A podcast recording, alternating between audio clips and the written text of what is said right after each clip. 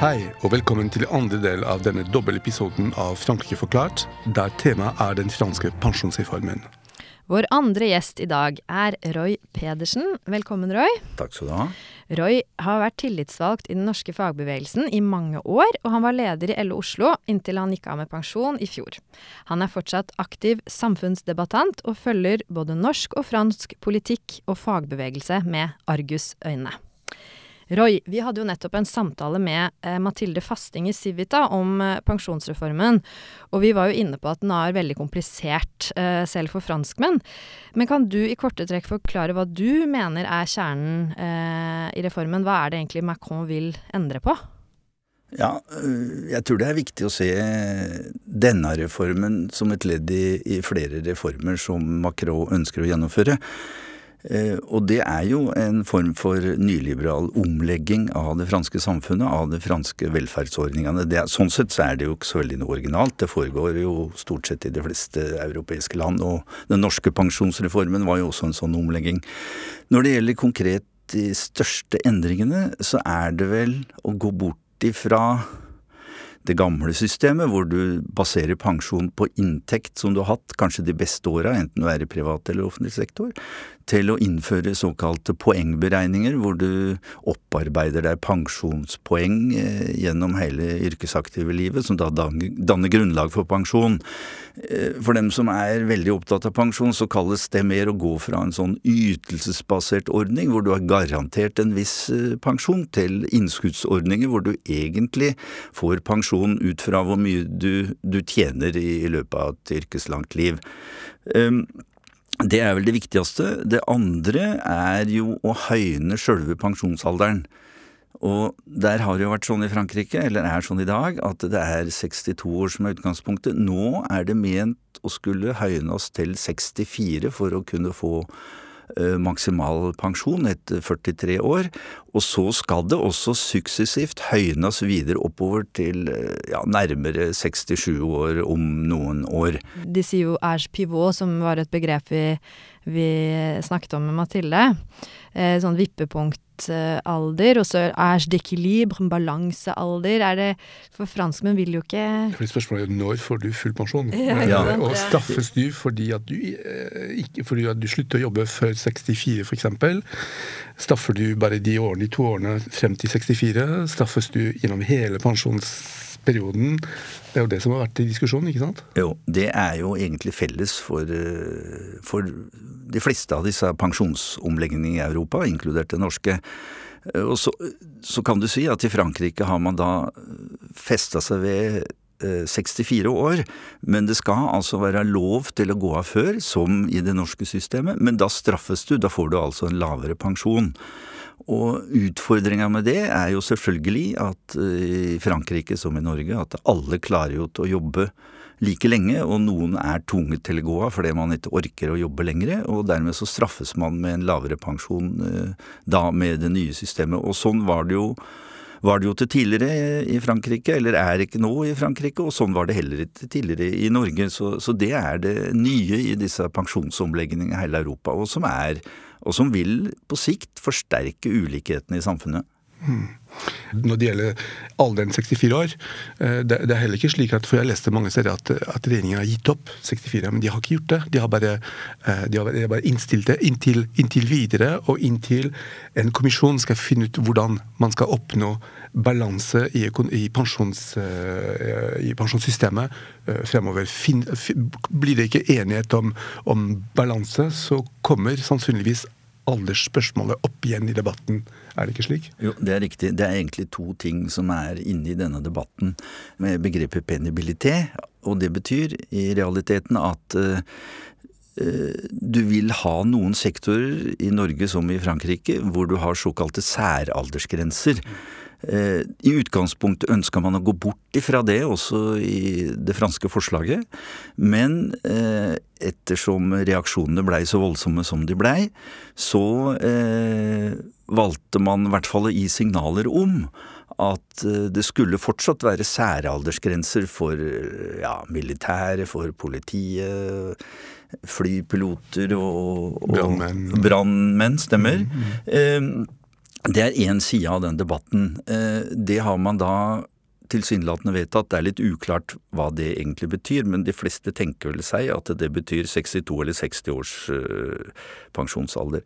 Så har du det spørsmålet som har dukka opp i seinere tid i den franske debatten, nemlig at når protestene blei så store eh, mot å høyne pensjonsalderen i første runde til 64, så kom eh, Så gjorde regjeringa et, eh, et forslag om å, å, prøve å være litt imøtekommende i forhold til denne debatten, bl.a. for å kunne forhandle med deler av fransk fagbevegelse. Så nå pågår det altså forhandlinger nå. Snakk om de reformvennlige, ikke sant? Ja, det, ja, mm. det er helt riktig. Vi kan kanskje komme litt tilbake til det. Hvem er hvem? Men eh, det skal pågå forhandlinger til ut april for å prøve å finne en løsning på hvordan man da skal kunne finansiere en ordning hvor man har stått skal vi si maksimal opptjeningstid, men uten å ha fylt 64, og man da kan gå av tidligere. Kanskje beholde alder 62. Men det er et veldig vanskelig eh, økonomisk eh, prosjekt, fordi at hele hensikten med reformen er jo at staten skal spare penger, og det strider imot det spareprosjektet å skulle klare å finansiere en annen aldersavgang enn det som er forutsatt på 64. Men, men, men hvis målet er å spare penger, da må det være vinnere og, og tapere i denne formen. Hvem, hvem er vinnerne og taperne ifølge deg? Vinnerne vil jo være de som har eh, de største inntektene, og taperne vil normalt være de som har de laveste inntektene, og som ikke orker å jobbe fram til antatt eh, pensjonsalder for å få full eh, utbetaling. Det, det er ikke noe spesielt unikt fransk, sånn er det egentlig også i det nye norske systemet. Men altså, meningsmålingene viser at det er ganske mange franskmenn som vil at regjeringen trekker tilbake det lovforslaget. Men hvorfor må Macron gjennomføre denne reformen? Hvorfor er det så viktig for han?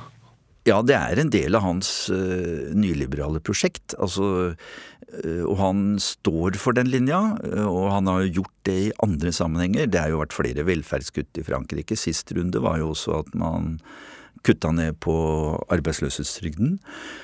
Så det er hans øh, vi kan si høyrepolitikk, sjøl om han gikk til valg på å si at han verken er venstre eller høyre.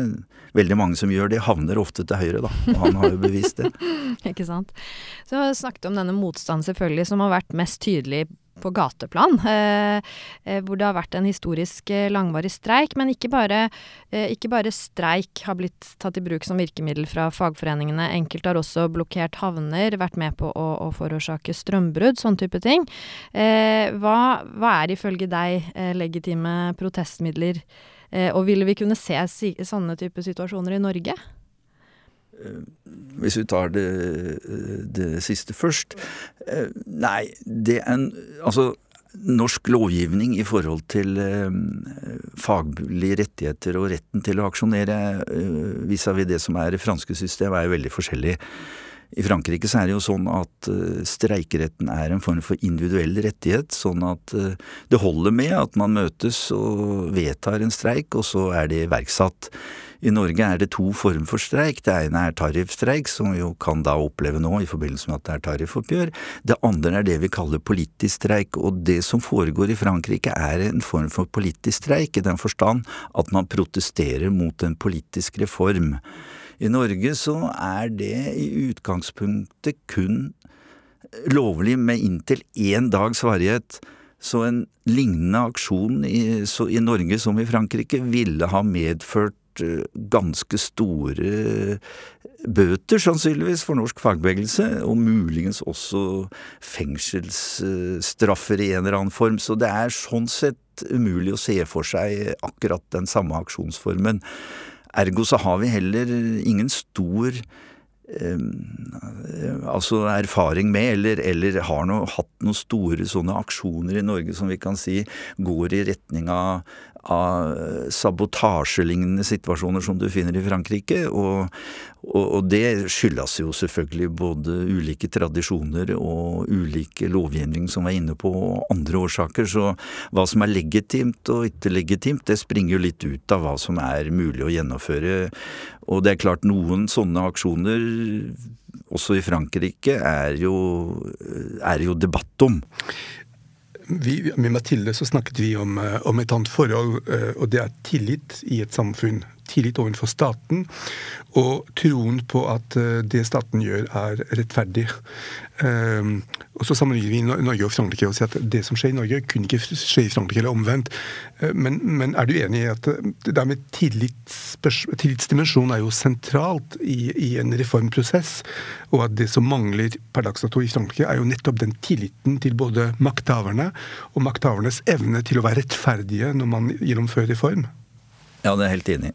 I Frankrike kan Du kan nesten, når du beskriver det franske samfunnet, snakke om eh, to samfunn, eller mm, to atskilte deler, hvor jo det politiske systemet bestandig har vært en form for elite på et helt annet eh, nivå enn det vi finner i, i Norge.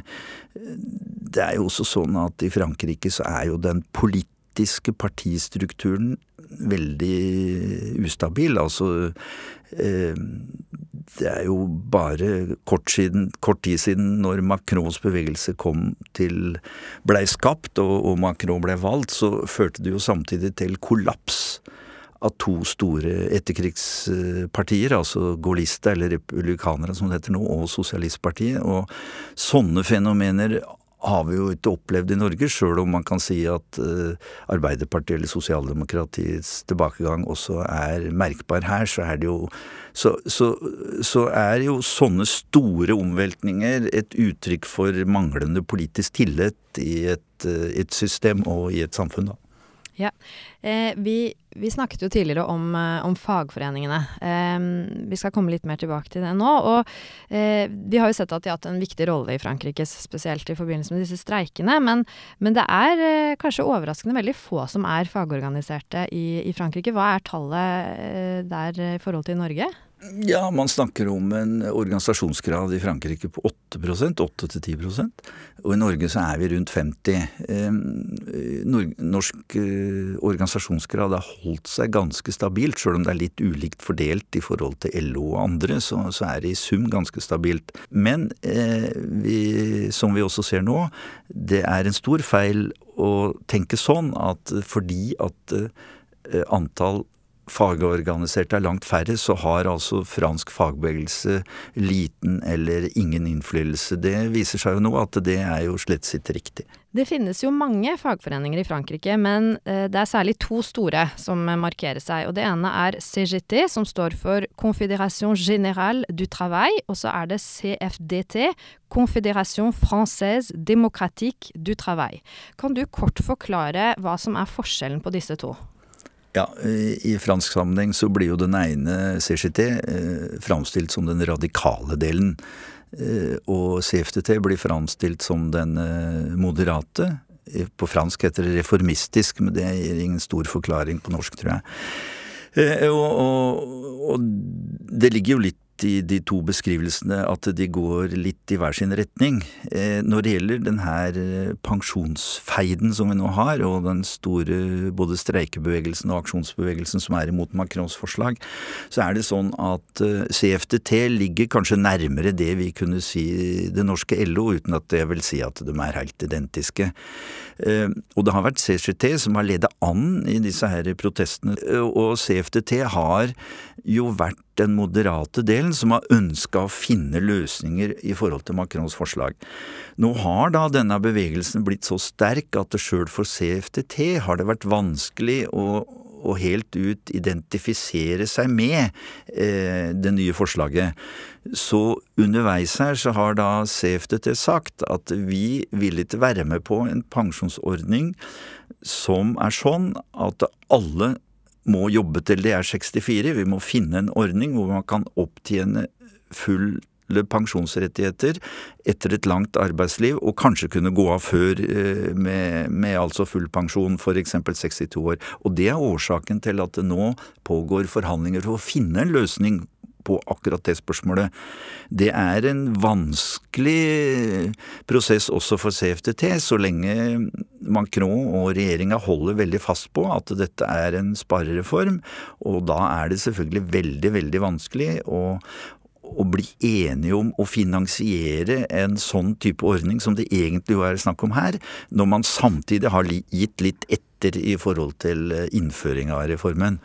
Eh, jeg, jeg, har også sett at uh, til og med CFDT, som er ganske kompromissvillige, som du, som du var inne på, har kritisert den sosiale dialogen i landet, og særlig da måten Macron eh, inviterer til dialog på. At Macron-metoden er dere diskuterer, jeg bestemmer. Er du, er du enig i den tolkningen? Hva kan man si om den sosiale dialogen i Frankrike? Jeg er enig i tolkninga. Eh, ja, nei, den sosiale dialogen i Frankrike er jo egentlig mer forhandlinger enn dialog. Og sånn har egentlig det franske systemet også vært bygd opp.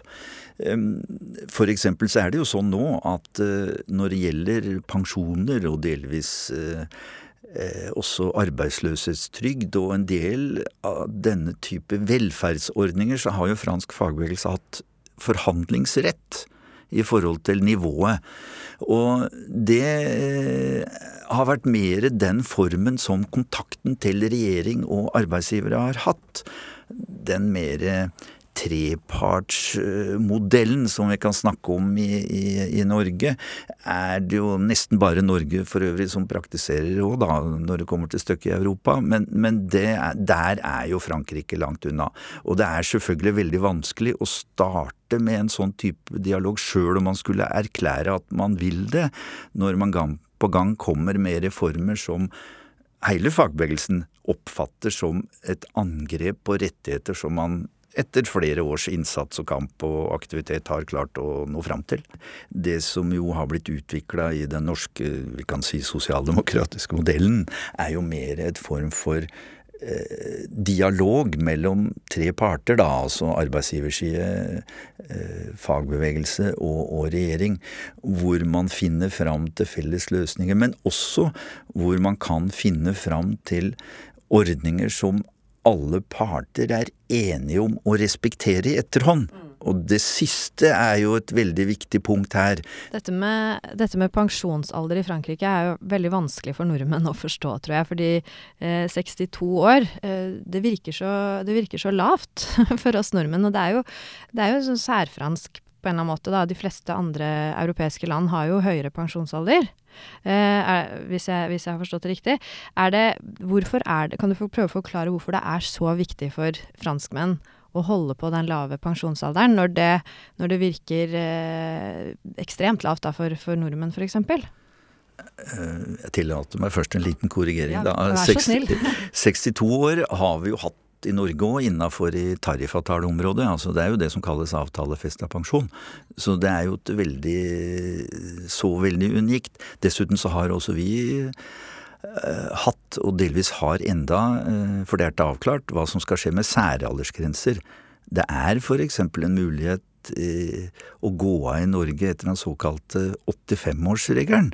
Som betyr at hvis du har jobba eh, og opptjent pensjonspoeng, så kan du teoretisk gå av når du er 57. Det er jo en stor debatt og kommer til å endres. Så til det franske uh, situasjonen, som du sier. Jeg oppfatter vel at det er ingen Det er ingen altså Det kan godt hende det er uenighet, men det er ingen stor uenighet uh, blant den politiske venstresida i Frankrike, som vi ikke har snakka så mye om her når det gjelder pensjon, om at det kan være lurt å ha et universelt system.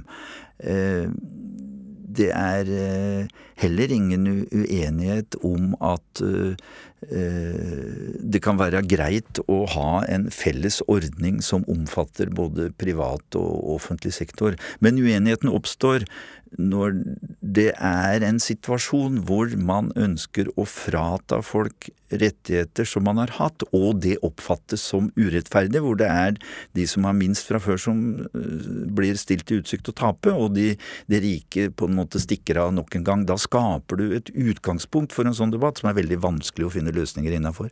Eh, til slutt, Roy, hva tror du vil være de politiske konsekvensene av den pensjonsreformen og debatten rundt den? Eh, hvem vil den svekke politisk, og hvem vil den styrke?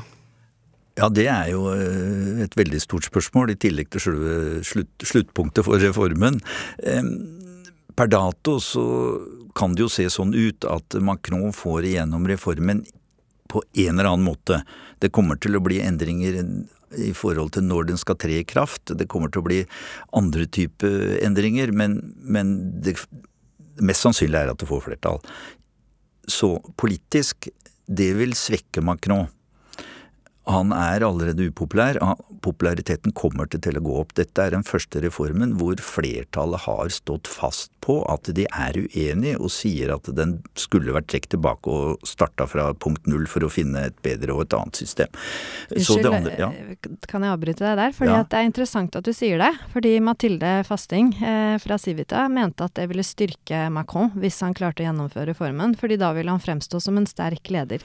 Ja, det betinger jo at det er ingen andre i, i, på den politiske arenaen som eh, jo kan høste gevinst av det der. Og eh, foreløpig så må en jo innrømme, og det er jo det er jo det er tungt å si det, men det kan jo se sånn ut at uh, dette her vil uh, være en, en, måte også som Marine Le Pen og Rassemblement National, altså det klingende navnet Nasjonal Samling da, på norsk, eh, kan gå styrka ut av det. Men ikke venstresiden? Og venstresida har i denne prosessen kommet litt nærme hverandre.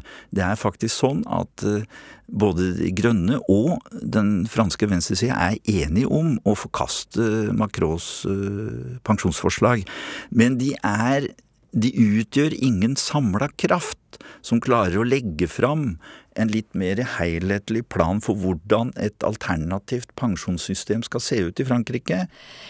På slutten av eh, hver episode så ber vi vår gjest om å komme med en liten fransk anbefaling. Hva er din anbefaling til våre lyttere, Roy? Ja, siden jeg jo er eh, blitt pensjonist, så tenkte jeg jo på en, en traver jeg har hørt i fransk eh, musikkliv i mange år, nemlig Louis Bertignac, som uh, i dag syns jeg står for et eminent gitarspill, og jeg syns han har mange bra blueslåter, og det er en musikkform jeg liker, så jeg anbefaler å høre på han. Ja, sjekk ut Louis Bertignac. Frank, du hadde også en liten anbefaling? Jo, jeg tenkte at uh, det var behov for en oppsummering av, uh, av, hele den pensjonsprosessen. Så jeg fant en, en reportasje på France 24, France 24, fra desember 2019 som heter 'French Pension Reform What's at Stake'. Den er på tolv minutter, og jeg syns den er en god oppsummering av hele prosessen. Den er på engelsk, og den finner dere med andre referanser på vår Facebook-side. Da gjenstår det bare å takke vår gjest, Roy Pedersen. Så høres vi igjen i neste episode av Frankrike forklart. Au revoir! Denne podkasten er et samarbeid mellom Universitetet i Oslo og Høgskolen i Østfold.